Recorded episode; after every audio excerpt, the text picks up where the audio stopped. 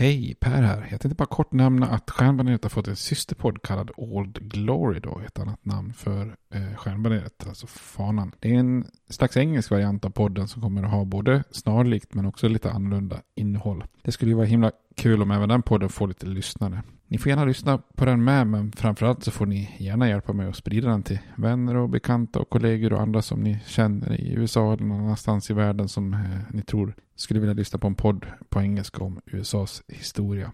Tack, det var bara det jag ville säga. Nu kommer avsnittet. Hej då! Hej, det är Ryan Reynolds jag är här med Keith, co-star of my upcoming film If, only in theaters May 17th. Do you want to tell people the big news?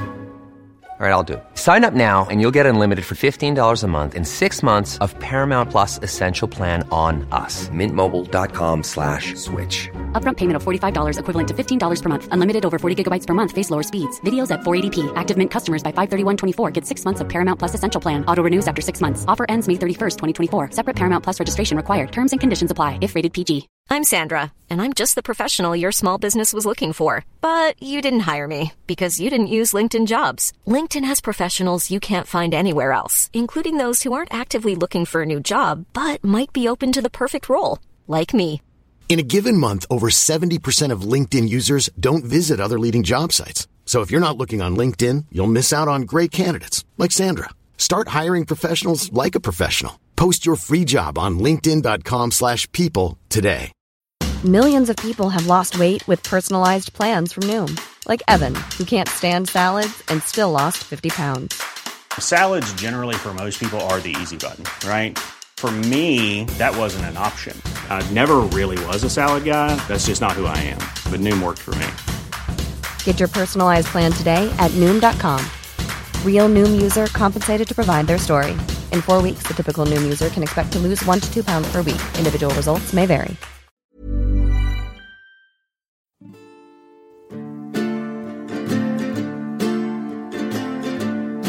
We hold these truths to be self-evident, that all men are created equal, that they are endowed by their Creator with certain unalienable rights, that among these are life, liberty, and the pursuit of happiness. Now we are engaged in a great civil war, testing that government of the people, by the people, for the people, shall not perish from the earth. And so, my fellow Americans, ask not what your country can do for you, ask what you can do for your country. I have a dream. My four little children will one day live in a nation where they will not be judged by the color of their skin, but by the content of their character. Mr. Gorbachev, tear down this wall. I did not have sexual relations with that woman, Miss Lewinsky. Hej och välkommen till Stjärnbaneret, en podcast om USAs historia med mig Per Fjärdingby. Jag har ju eh, kört på med en afroamerikansk eh, serie här om medborgarrättskampen. Kört lite kortare avsnitt och kanske lite publicerar dem lite oftare. Eh, Jag tänkte att vi skulle fortsätta den här serien då. Eh, Förra avsnittet så pratade jag mycket om hur vita demokrater i södern tar till våld för att försöka underminera det här lilla bräckliga republikanska styret av, av södern då som, som gjordes i någon form av minoritetskoalition med afroamerikaner och vita republikaner då. Eh, och alla republikaner, vita som svarta, riskerar ju då att bli utsatta av, de här våldsamma grupperna då, som Kukers Klan och KKK är såklart var de mest kända då. Och som vi såg så tog man krafttag mot de här organisationerna då. Eh, och eh, man lyckades ju, trots det då, så lyckas de ju i södern då underminera både viljan i norr och, och självförtroendet hos, hos svarta i södern då. För de här rekonstruktionsstyrena i de här delstaterna. Och idag så tänkte jag att vi skulle prata om hur den här reträtten från rekonstruktionen liksom fullbordas på många sätt. Då.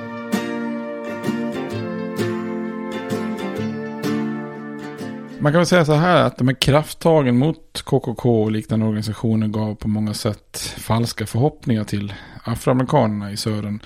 Eh, trots att den här federala staten reducerat klanens våld så hade man liksom inte brutit ner övertygelsen hos den vita majoriteten utan snarare tvärtom då. Eh, den vita majoriteten blir ju nästan mer beslutsam än någonsin att återinrätta vit makt och, och liksom då få bort de här republikanska rekonstruktionsstyrena från sina hemstater. Man brukar prata om att man vill återfå makten då så att säga. Och vid det här laget så börjar också kraften gå ur eh, republikanernas eh, kamp för afroamerikanska rättigheter.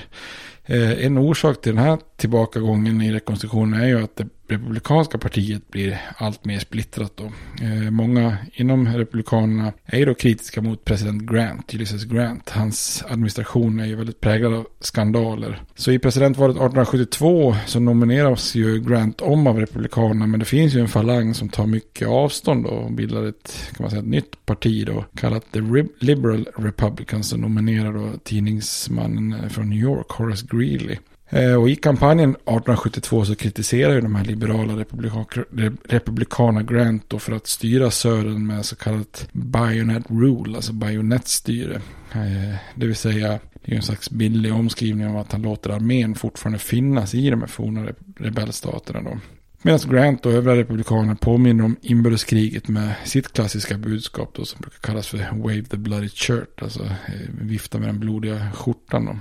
Afroamerikanska ledare var ju svalt inställda till de här liberala republikanerna och stod ju liksom upp för Grant och eh, Frederick Douglass. Eh, den kanske mest kända afroamerikanen vid den här tid, tiden då som vi pratade om tidigare i något av de tidigare avsnitten. Han menar ju att de här liber, liberala republikanernas rekonstruktionsprogram skulle innebära då a check to the progress of the nation to complete freedom då.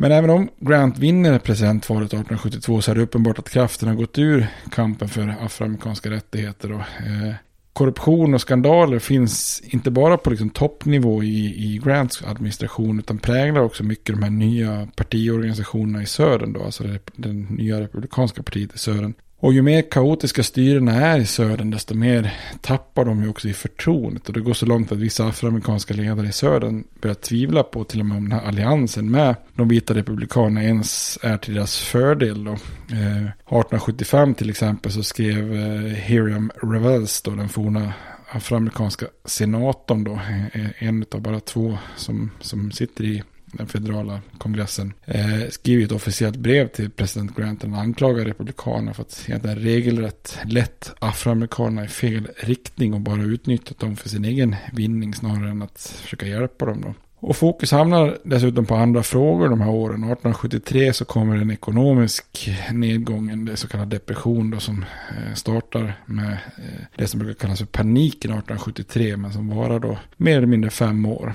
Och i nordstaterna så börjar många tröttna på alla problem som rekonstruktionen av södern innebar. Och den här ekonomiska krisen gjorde att allt mer fokus hamnade på, på de här typerna av frågor. Då.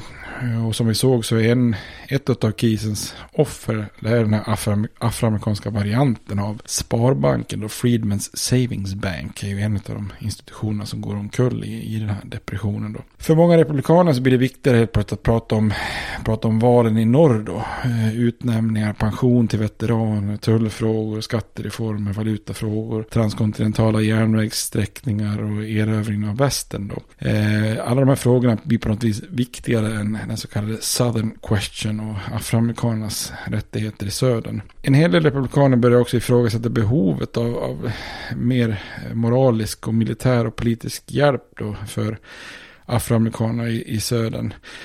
Eh, vissa börjar på samma sätt som vita i södern tvivlar på, på afroamerikanernas förmåga att lyfta sig i samhället och var liksom tveksamma till om det ens varit så himla smart att ge dem rösträtt från första början. Då. Och de som fortfarande trodde på afroamerikaners rösträtt började ändå tvivla när de då hörde lite överdrivna rapporter om korruption i södern och såg att styret inte riktigt funkade där. Och den här ekonomiska nedgången blir också ett slags återuppväckande av det nationella demokratiska partiet också. Eh, inbördeskriget hade ju liksom splittrat demokraterna i, i två då. Eh, och, och, i norr så hade ju demokraterna fått en, en stämpel av förrädare under kriget. Och den norra falangen hade ju i sin tur splittrats i två då, mellan de som eh, var mot kriget och fick den här stämpeln av förrädare och de, den lilla minoriteten av demokrater som stödde kriget också. Eh, och i mellanårsvalen 1874 så vinner Demokraterna en majoritet i representanthuset för, för första gången egentligen sedan, sen inbördeskriget. Och många demokrater börjar se med förhoppning och, och, då, och republikanerna med fasa mot eh, presidentvalet 1876. Eh, och med Grants alla skandaler så börjar demokraterna få lite luft under vingarna. Eh, och mycket riktigt så blir det ju ett väldigt jämnt val som vi kommer att se då.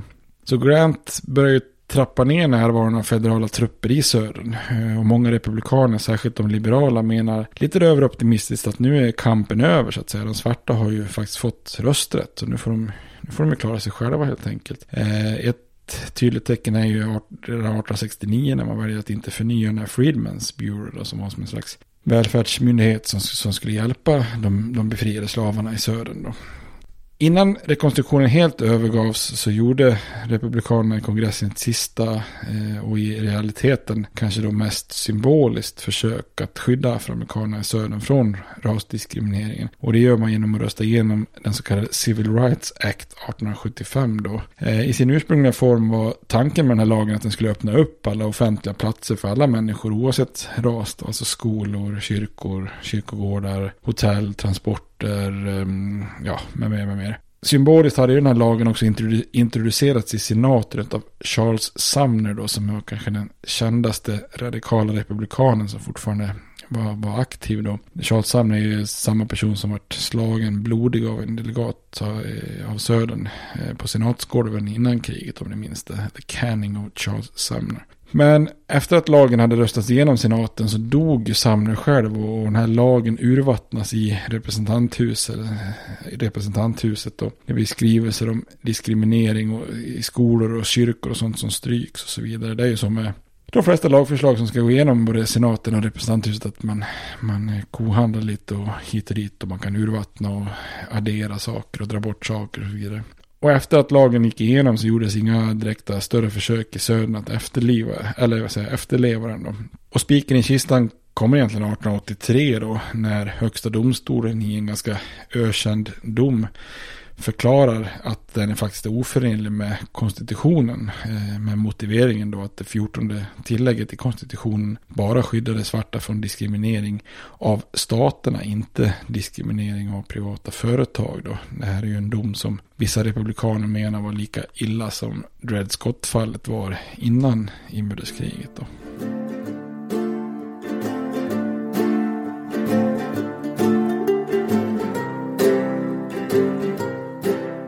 Så man kan säga att rekonstruktionen sen då, den slutar ju helt enkelt eh, på många sätt och vis eh, som den började då. Eh, våldsamt eh, och kontroversiellt. Då. Eh, det demokratiska partiet och den vita eliten märker ju såklart att engagemanget i norr för afroamerikanska rättigheter minskar och att allt färre federala trupper finns i södern då. Eh, och på många sätt har man liksom bara gått och väntat och bidat sin tid och tänkt att vi slår till när läget kommer då. Och den stora majoriteten av, av, av de vita i södern så var ju, var ju bittra motståndare till den här radikala rekonstruktionen. De vägrade ju acceptera civila rättigheter för afroamerikaner som man ansåg var, liksom en, man ansåg vara en underläge överlägsen ras. Då. Och de vägrar ju acceptera politiska rättigheter i rekonstruktionssystemet, när det rekonstruktionsstyrena som de ansåg var illegala. Eh, då helt enkelt. Republikanernas styre upprätthölls med bajonetten som man sa och så fort armén var borta, ja inte egentligen en dag senare så, så skulle man då återta makten och införa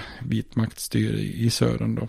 Och under några år där i mitten då, slutet av 1870-talet så gör man sitt yttersta för att återta sina delstater så att säga. Eh, det vill säga återta makten från republikanerna. I södern kallar man det att, eh, att en delstat blir redeemed eh, när demokraterna återtar makten då. Och det är liksom ett ord liksom nästan med religiösa och bibliska undertoner då. Och då förstår man liksom hur viktigt det var då. Eh, och de som återtar makten brukar ibland kallas för redeemers då. Eh, I praktiken så innebar det att lokala vita tar tillbaka makten från ockupanter från norr då och börjar förtrycka de forna slavarna igen då. I den övre södern där utgör ju den vita befolkningen oftast en majoritet. Och där kunde ju demokraterna, när de flesta vita män återfått sin rösträtt. Eh, där kunde man ju återfå makten då på normalt sätt genom rättvisa val. Det var helt enkelt så att demokraterna var en ganska tydlig majoritet och i valen så kunde man då återfå makten på, på legalt sätt då. Men i övriga delstater i södern så var ju afroamerikaner kunde ju ibland utgöra en majoritet. Eller, eh, eller där det var till och med var då någonstans närmare 50-50. Där var det ju svårare då. De vita i de här staterna tar ju då hjälp av våld för att återfå makten då. 1870 hade Demokraterna återtagit makten, alltså redeemed eh, delstaterna Virginia, Georgia, North Carolina i val som varit då fulla med fusk och terroriserande våld kan man säga då. Eh, den mest våldsamma delstaten blir dock Louisiana. Eh, i princip i samband med alla val från 1868 till 1876 så utbryter det våld i Louisiana då. 1873 så inträffar den väldigt ökända Colfax-massakern. Eh, och det är ju en grupp svarta eh, republikaner som hävdar att man har vunnit ett val men som hotas och tvingas fly då. Eh, man flyr då till ett ställe som heter Colfax där de gömmer sig för demokraterna som också då hävdar seger. Och efter att ha hållit ut i flera veckor så blir det här Colfax anf eh, anfallet av en vit mobb då på 300 man som kallar sig för milis då. Eh, de flesta afroamerikaner som dör mördas efter att de har gett upp redan och viftat med vit flagg. Och uppskattningsvis så mördas någonstans mellan 150 till 230 svarta då. Medan tre vita dör då. Och det här brukar ju kallas då för rekonstruktionens blodigaste dag då. Den här Colfax-massakern.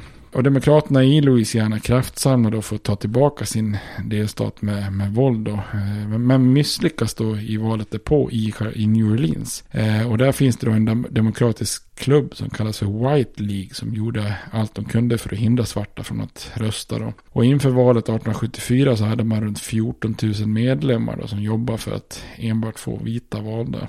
Eh, och i september 1874 så väljer White League att ifrågasätta då guvernörsvalet i Louisiana. Så 3500 beväpnade eh, män från den här White League kräver helt enkelt att den, den liksom rättmätigt valda republikanska guvernören William Kellogg ska avgå då.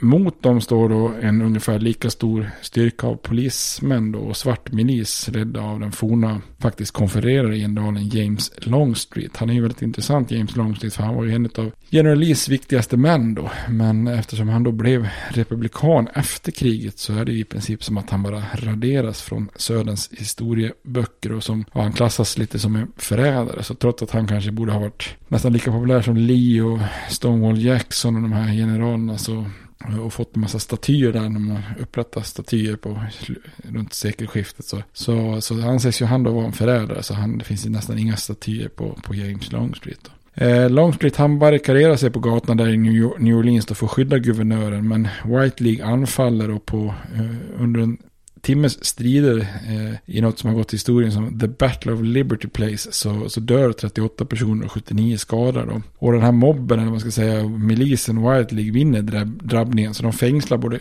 guvernören Kellogg och eh, James Longstreet och tillsätter en demokrat som guvernör. Eh, under tre dagar så styr den här illegala demokraten då innan Eh, president Grant skickar dit federala trupper till Louisiana då. Eh, och med det så kan Kellogg återinsättas som guvernör då. Och, och Longstreet och de andra släpps då så att säga. Så även om Demokraterna misslyckas med att ta tillbaka makten i Louisiana så skickar de här händelserna viktiga budskap till övriga södern om att nu har kampen startat på allvar och, och måste utkämpas organiserat och med vilka medel som helst kan krävas då för att lyckas återföra södern i, i demokraternas händer då. Så att den här Battle of Liberty Place och Colfax-massakern sätter lite grann standarden. Louisiana sätter lite grann standarden då. I samband med val 1874 så sveper också en våldsvåg in i Alabama. Eh, både vita och svarta republikaner mördas och många hus och hem förstörs. Eh, på valdagen så dödar en vit mobb sju svarta och skadar ytterligare 70-tal obeväpnade väljare. Eh, och i den större staden Mobil tvingas afroamerikaner bort från valurnorna. Eh, så till slut då i det här valet så kan ju Demokraterna återta makten i Alabama. Alltså få Alabama redeemed.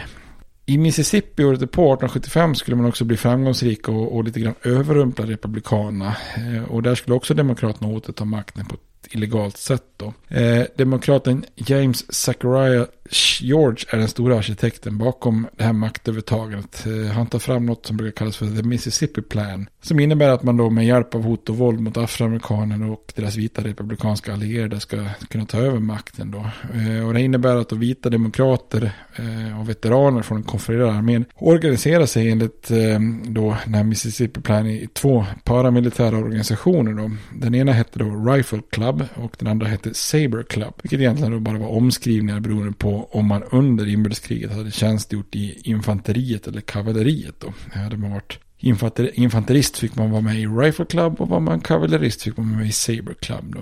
Eh, återigen då epitetet vapenklubb eh, är ju inte bara något trevligt sportsligt eller socialt sammanhang det här utan det här är någonting som är på liv och död. Då.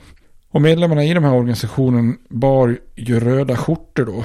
Och det gör att de då kallas för just Red Shirts. Eh, och beväpnade så gjorde de allt för att försöka hindra afroamerikaner och republikaner från att rösta i Mississippi då. Och den här kampanjen då, ett slags öppet krig mot afroamerikaner och republikaner brukar kallas då för the shotgun policy. I december 1874 så arrangerar de röda skjortorna ett rasupplopp i Vicksburg där 75 eh, afroamerikaner dödas. Då. Eh, många republikaner flyr Mississippi men Redshirts jagar efter dem och dödar flera hundra. Så federala trupper får rycka in då igen kan man säga. Ni som minns från kriget så var ju Vicksburg ett väldigt viktigt eh, fäste då det sista längs Mississippi-floden som föll då. Och det var ju faktiskt General Grant som belägrade och kuvade Vicksburg eh, 1863 då. Och nu var ju federala trupper tillbaks då. Eh, så under val i Mississippi 1875 så använde de här rödskjortorna så mycket hot, våld och fusk att demokraterna då kunde vinna kontroll över delstaten. Eh, bara i orten Clinton så dödas 30 lärare, kyrkoledare och republikaner. Och rödskjortornas så kallade shotgun policy eller hagelgevärskampanj satte då skräck i Mississippi och på valdagen så gömde sig afroamerikaner undan terrorn och riskerade ju knappast sitt liv och sina familjers liv för att gå och rösta då. Så Mississippi blir den första delstaten där en majoritet av befolkningen var afroamerikan men där demokraterna då kunde vinna tillbaka makten då. Eh, och Mississippis guvernör vädjar till Grant om hjälp men eh, presidenten vägrar här 1875 då. Han ogillar den här utvecklingen. Eh, vid det här laget så, så tvekar han att agera då med risk för att bli anklagad för just det här med bajonettstyre då. Han menar att folket i norr i nordstaterna inte orkar med att slå ner de här så kallade årliga återkommande våldsamheterna i södern. Så nu drar han lite grann linjen och det gör ju också då att han i förlängningen offrar Mississippi helt enkelt. Så som ni märker så är det ju i princip nästan någon slags krigstillstånd i de här delstaterna som Louisiana, South Carolina och Mississippi. Då. Och i slutet av Grants presidentperiod hade Demokraterna återvunnit makten i de allra flesta forna rebellstater utom just South Carolina, Louisiana och Florida. Då. Men samma taktik som användes i, Mississippi spreds ju vidare även dit. Då.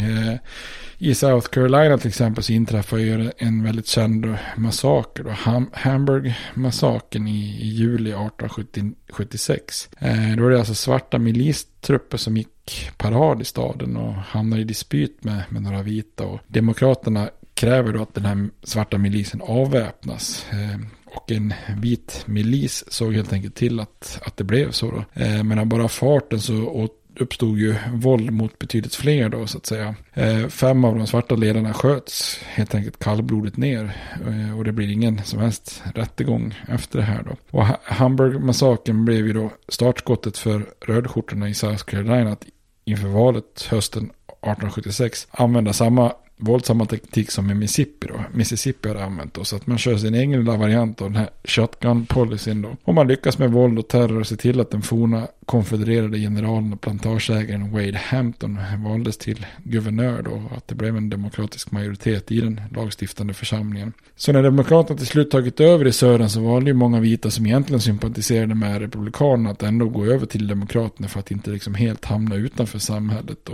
Eh, och det här gör ju att södern blir väldigt mycket då en enpartistat. Eh, Demokraterna dominerar helt då. Och det är ju starten på det som man brukar kalla för då the solid south. Eh, Arkansas är ett väldigt bra exempel på det här. Eh, går ju till den demokratiska presidentkandidaten i alla 23 presidentval mellan 1876 och 1964 då. Så att det är ju rätt så anmärkningsvärt då.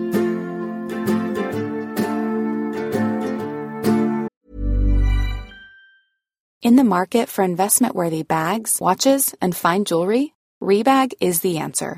Rebag is a luxury resale platform where each piece is carefully inspected by experts to ensure quality and authenticity. Use Rebag to buy and sell finds from the world's top brands, including Louis Vuitton, Chanel, and Cartier. Head to Rebag.com to get 5% off your first purchase with code REBAGNEW. Shop today at Rebag.com. That's R E B A G.com. And use promo code REBAGNEW for 5% off your first purchase. Hiring for your small business? If you're not looking for professionals on LinkedIn, you're looking in the wrong place. That's like looking for your car keys in a fish tank.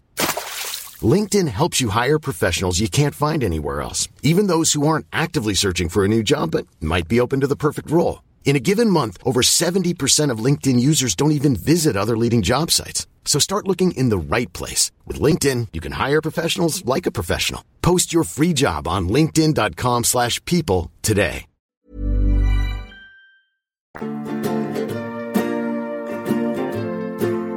Den här radikala rekonstruktionens tillbakagång och fall bromsas heller inte av den högsta domstolen utan snarare tvärtom då. I flera domar så skyndar nästan domstolens, eller högsta domstolen på utvecklingen genom att då urholka både det 14 och 15 tillägget i konstitutionen då. Första bakslaget 1866 var ju den här kända domen Ex parte Milligan som vi pratade om tidigare som gjorde det omöjligt för armén i södern att döma brottslingar i militära domstolar. 1873 så försvagade högsta domstolen afroamerikanernas situation i, i de kända Slaughterhouse-domarna. Eh, egentligen handlar de här domarna om sanitära förhållanden i slakthus i Louisiana och, och egentligen då bolagsmonopol. Eh, för i staden New Orleans hade staden helt enkelt startat ett bolag som fått 25 års monopol för slaktbranschen i staden medan alla andra aktörer som bedömdes vara osanitära fick stänga. Då.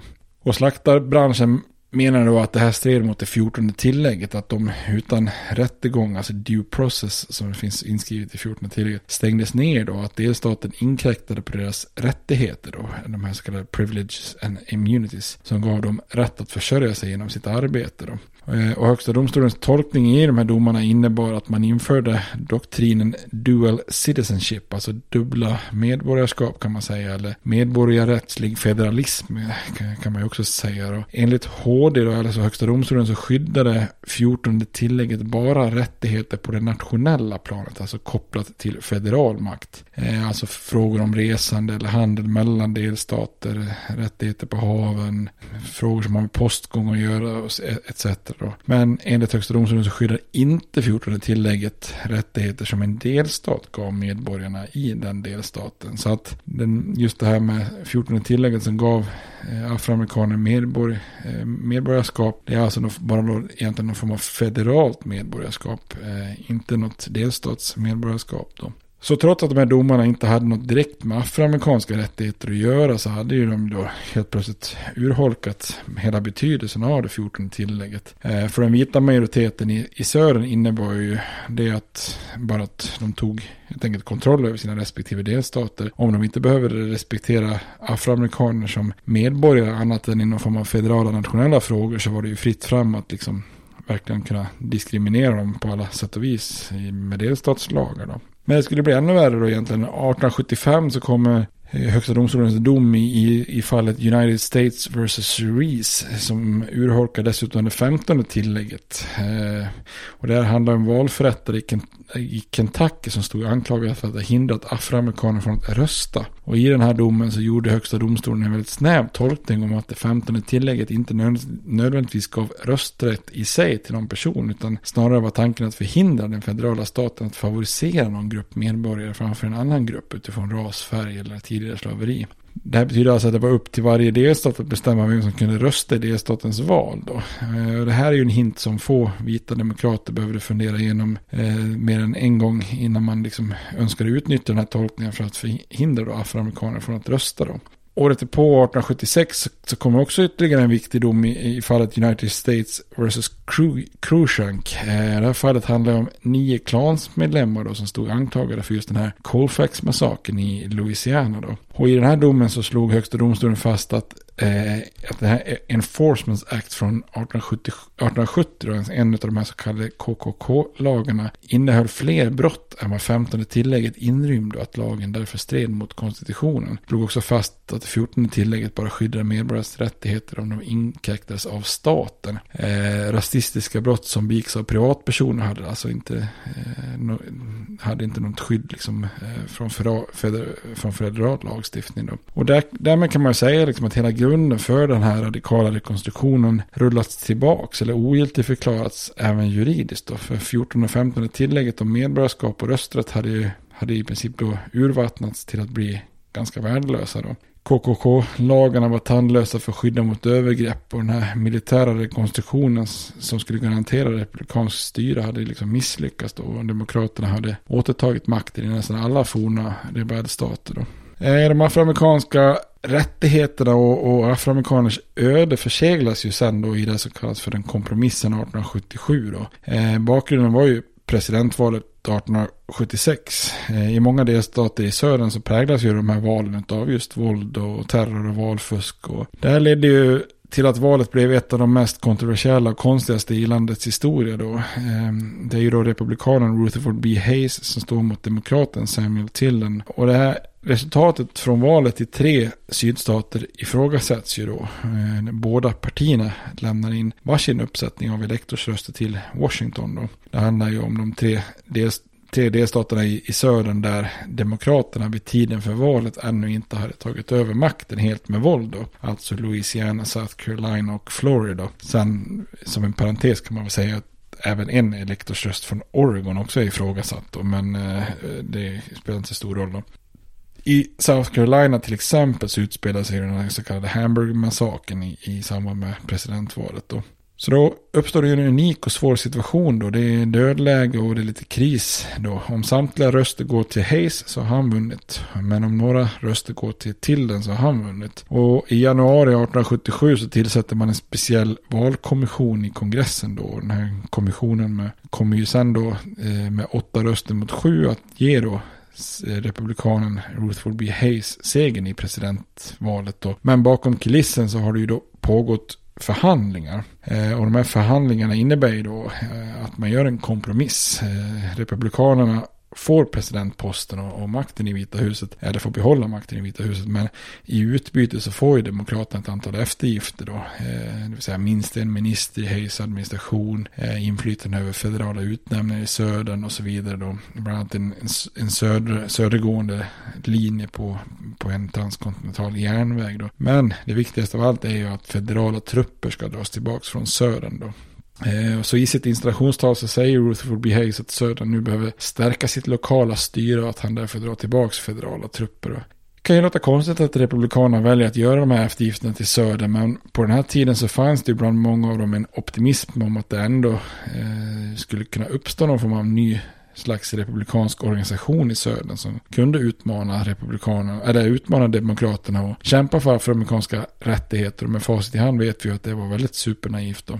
Men eh, reträtten från rekonstruktionen kan ju också förstås utifrån att det från början främst var en väldigt liten minoritet av, av radikala som ville straffa, hämnas och ställa höga krav på de här forna konfedererade staterna att, att återvända till unionen. Eh, och den stora majoriteten av republikaner och befolkningen i norr ville ju ändå liksom att unionen skulle rekonstruktion, rekonstrueras så fort och smidigt som möjligt. Då. Och redan när man ställer, ställer Andrew Johnson inför riksrätt och misslyckas så tappar ju de här radikala republikanerna visst inflytande och efter 15 tillägget så orkar man inte längre. Då.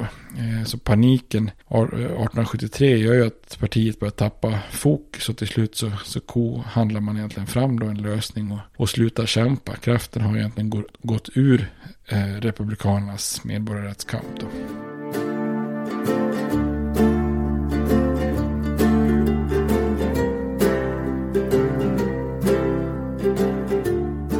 Och man kan ju se tillbaka på den här perioden då. Den här radikala rekonstruktionen hade ju varit just ett för tiden ganska radikalt experiment där man försökte ge forna slavar fullt och jämlikt medborgarskap. Men det här experimentet blev liksom lite för radikalt för många även i norr. Då. Eh, många ville ju inte se den federala makten tvinga sig på delstater på det här sättet. Och många i nordstaterna ansåg inte heller att afroamerikaner var, var jämlika vita och extremt få. De var ju Eh, i slutändan villiga att ge befriade slavar mark eller, eller vare sig det var i södern, i norr eller i väst, som en bas för en ekonomisk självständighet. Och, och frihet för många i USA innebar ju frihet från statligt styre, inte användandet av staten då för att hjälpa minoritetsgrupper. Så för södern som hade förlorat inbördeskriget så blir ju inte rekonstruktionen så hemsk som de har befarat till slut. Och för bara drygt ett decennium efter det här förödande kriget så har ju den forna eliten återfått makten då. Och även om slaveriet i lag är avskaffat så kan man ju då är det ju fritt fram att förtrycka de här forna slavarna igen. Så på så vis kan man säga att de förlorade kriget men, men, eh, men vann det långa loppet på, på många sätt. Eller man förlorade slaget men vann kriget kan man säga. Ja, det låter ju konstigt. De förlorade kriget, men ja, ni förstår. Kompromissen 1877 innebar ju att, då att de sista federala trupperna dras tillbaka från södern och att eh, det republikanska partiet i södern kollapsar så att säga. Eh, det är ju den demokraterna, den vita Eh, eliten fullbordar ju sitt maktövertagande. Så för afroamerikanska befolkningen i södern så är det här en katastrof. De har liksom befriats från slaveriet men, men friheten begränsas så de tappar nästan alla typer av rättigheter och rättssäkerhet. En före detta slav sammanfattade det bra när han skrev så här. De säger att vi är fria men det, det betyder inte att vi är vita, det betyder inte att vi är jämlika. Eh, så det blir ju en nattsvart situation då för afroamerikaner. Eh, trots det så finns det några få byggstenar kvar från, från slaveriets avskaffandet och rekonstruktionen som man sen kan börja bygga vidare på i medborgarrättsrörelsen då, senare. Då. Dels hade ju friheten gett afroamerikaner i södern en egen kyrka och skolor och kultur. Eh, och något, det här är ju något som var helt otänkbart innan slaveriet och något som skulle sen bli basen då i den fortsatta kampen, speciellt kyrkan då. Dels hade man ju under en tidsperiod också fått fram en del ledare och förebilder som, som till och med blev valda till kongressen då. Eh, dels hade man också fått det 14 och 15 tillägget till konstitutionen. Så även om de för stunden inte verkställdes eller liksom inte, eh, eller att det praxis urvattnade dem så fanns de ändå på pränt. Och det här innebär ju också att de kan åberopas sen 100 år senare och eh, användas eh, legalt för att eh, få tillbaka rättigheterna så att säga. Men ska man sammanfatta rekonstruktionen så, så brukar den ju i mångt och mycket kallas då för a splendid failure, alltså ett praktfullt misslyckande. Eh, och det är kanske är lämpligt namn i perspektivet med medborgerliga rättigheter. Alltså det fanns en möjlighet att ta tag i rasfrågan efter kriget och emancipationen då, men successivt så återgår det mesta tillbaka då och mycket blir i princip mer eller mindre som det varit eh, och en ny form av förtryck uppstår då. Så ambitioner och hopp har varit höga, eh, men i slutändan så blir det ett misslyckande då man inte lyckas nå de här då. Istället för afroamerikaner vänta i nästan hundra år på medborgarrätt frihetsrörelsen som oftast just kallas för eh, då den andra rekonstruktionen. Men som vi ska se då i kommande avsnitt så är det ju tyvärr också så att eh, man kan tro att det här blir ett lågvattensmärke. Men eh, det kommer liksom eh, ännu mer lågvattensmärken framöver. För om vi ser på tidsperioden här från 1870-talet fram till sekelskiftet så kommer vi se att det kanske är en av de värsta tidsperioderna för afroamerikaner i, USAs historia liksom. Och med, med oerhört många olika varianter av förtryck och där all typ av kamp för medborgarrättigheter är, är extremt svår att, att genomföra. Då. Men eh, vi tar det vidare i nästa avsnitt. Tills dess får ni ha det bra. Hej då! States like these and their terrorist allies constitute an axis of evil. And if the hippies and the yippies and the disruptors of the systems that Washington and Lincoln as presidents brought forth in this country will shut up and work within our free system of government, I will lower my voice. If the impeachment provision in the Constitution of the United States will not reach the offenses charged here, then perhaps that 18th century Constitution should be abandoned to a 20th century paper shredder. Therefore, I shall resign the presidency effective at noon tomorrow.